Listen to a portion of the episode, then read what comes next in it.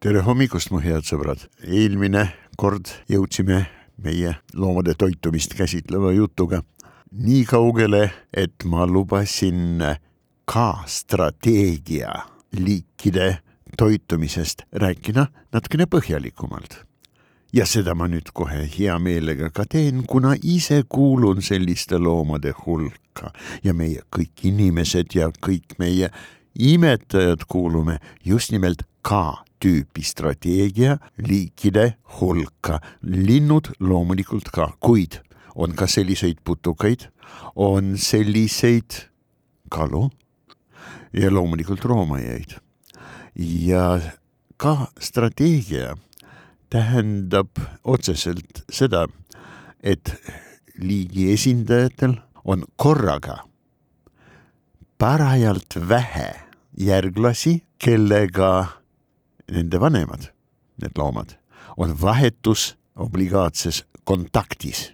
teiste sõnadega, meie lindude imetajate ja loomulikult väga paljude teiste äh, loomaliikide lastest mitte mingil moel, viisil elusaid loomi ei saa, kui vanemad ei hoolda neid otseselt kindlas füüsilises kontaktis olles ei puhasta neid, ei pane neid magama, ei kaitse, ei pese, ei õpeta ja ei toida vahetult. no kõigepealt putukate maailmast. toon ühe näide, kõik teavad või vähemalt on kuulnud või pilte näinud eh, sellistest mardikatest, põrnikatest nagu mm, põderpõrnikas.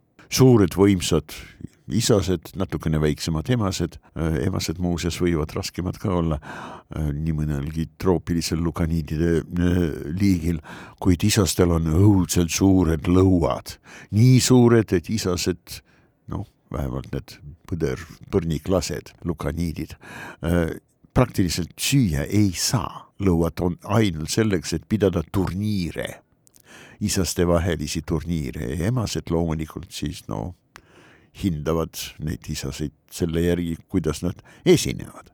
noh, tuttav värk. sellele sugukonnale väga lähedane on bassiliide, äh, teine, väga lähedane tõesti nendele, aga ilma selliste võimsate, noh, jutumärkides sarvedega tegelikult, lõugadega äh,, isastega äh, sugukond, kelle lapsi on korraga väga vähe. Basiliidid, noh, Kariibi mere suurtel saartel, suurtel Antillidel, Jamaica, Kuuba, Haiti, no vähemalt minu tuttavad liigid elavad seal ja nad praktiliselt kõik toituvad peaaegu puhtast tselluloosist, niivõrd pehkinud puidust, et sellest on alles, no tõesti, puhas puid, no peaaegu nagu vatt no kuidas sa loom toitud sellisest ollusest? mida sa sellest saad ja kuidas sa saad sellest eluks vajalikke asju, muidugi väga eriliste spetsiaalsete sümbiontbakterite, väga erilise eubioomi abiga.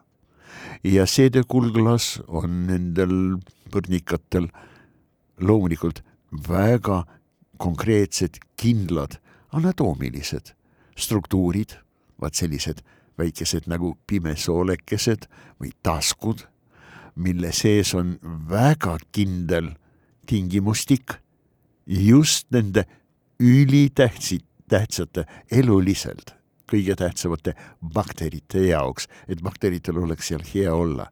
ja bakterid, ja bakterid on kõigeks võimelised toitumise osas nii-öelda ja need bakterid tõesti jah, süljega, putuka süljega eh, töödeldud vot seda peaaegu puhast tselluloosi, pehkinud puitu, protsessivad, töötlevad nii, et saavad ise süüa ja eritavad absoluutselt kõiki vajalikke aineid oma peremees organismile, põrnikale, kuidas toidetakse lapsi suust suhu.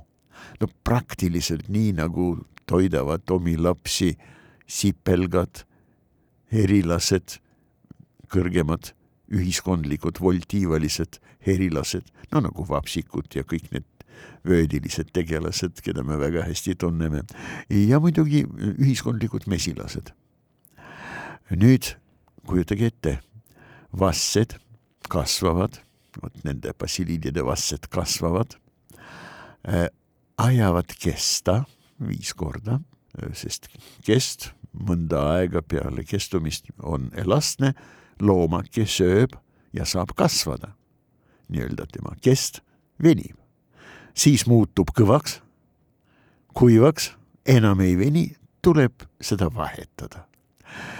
ja siis nukustavad ja vanemad kaitsevad omi lapsi, lapsi ei ole palju. Lapsi võib olla kümmekond või isegi vähem, kujutage ette, putukad, kel on neli-viis last korraga. ja kui lapsed nüüd juba valmikud tulevad nukukestast välja, siis sellest hetkest kuni kolm kuud või kauem isa ja ema, just nimelt isa ja ema, toidavad neid omi nüüd juba suured isa-ema suurused, noh, tume šokolaadi pruuni värvi ja, ja sellised nagu poleeritud, poleeritud kestaga.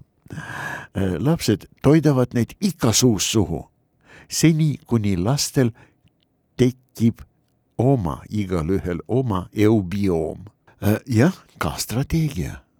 toidu ressursi poolest mainitud Bassiliide sugukonna põrnikatel.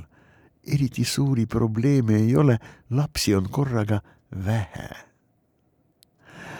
ja toiduks on selline ollus, mida praktiliselt mitte keegi loomadest, võib-olla välja arvatud termiidid. Ja termiidid on suured söödikud, millest me räägime muidugi, kuid ikkagi troopilises metsas suurtel antillidel leidub ikka mõni puu, mida ei ole termiidid veel rünnanud nii-öelda, vana pehkinud, maha kukkunud, surnud puu, mida termiidid veel ei ründa.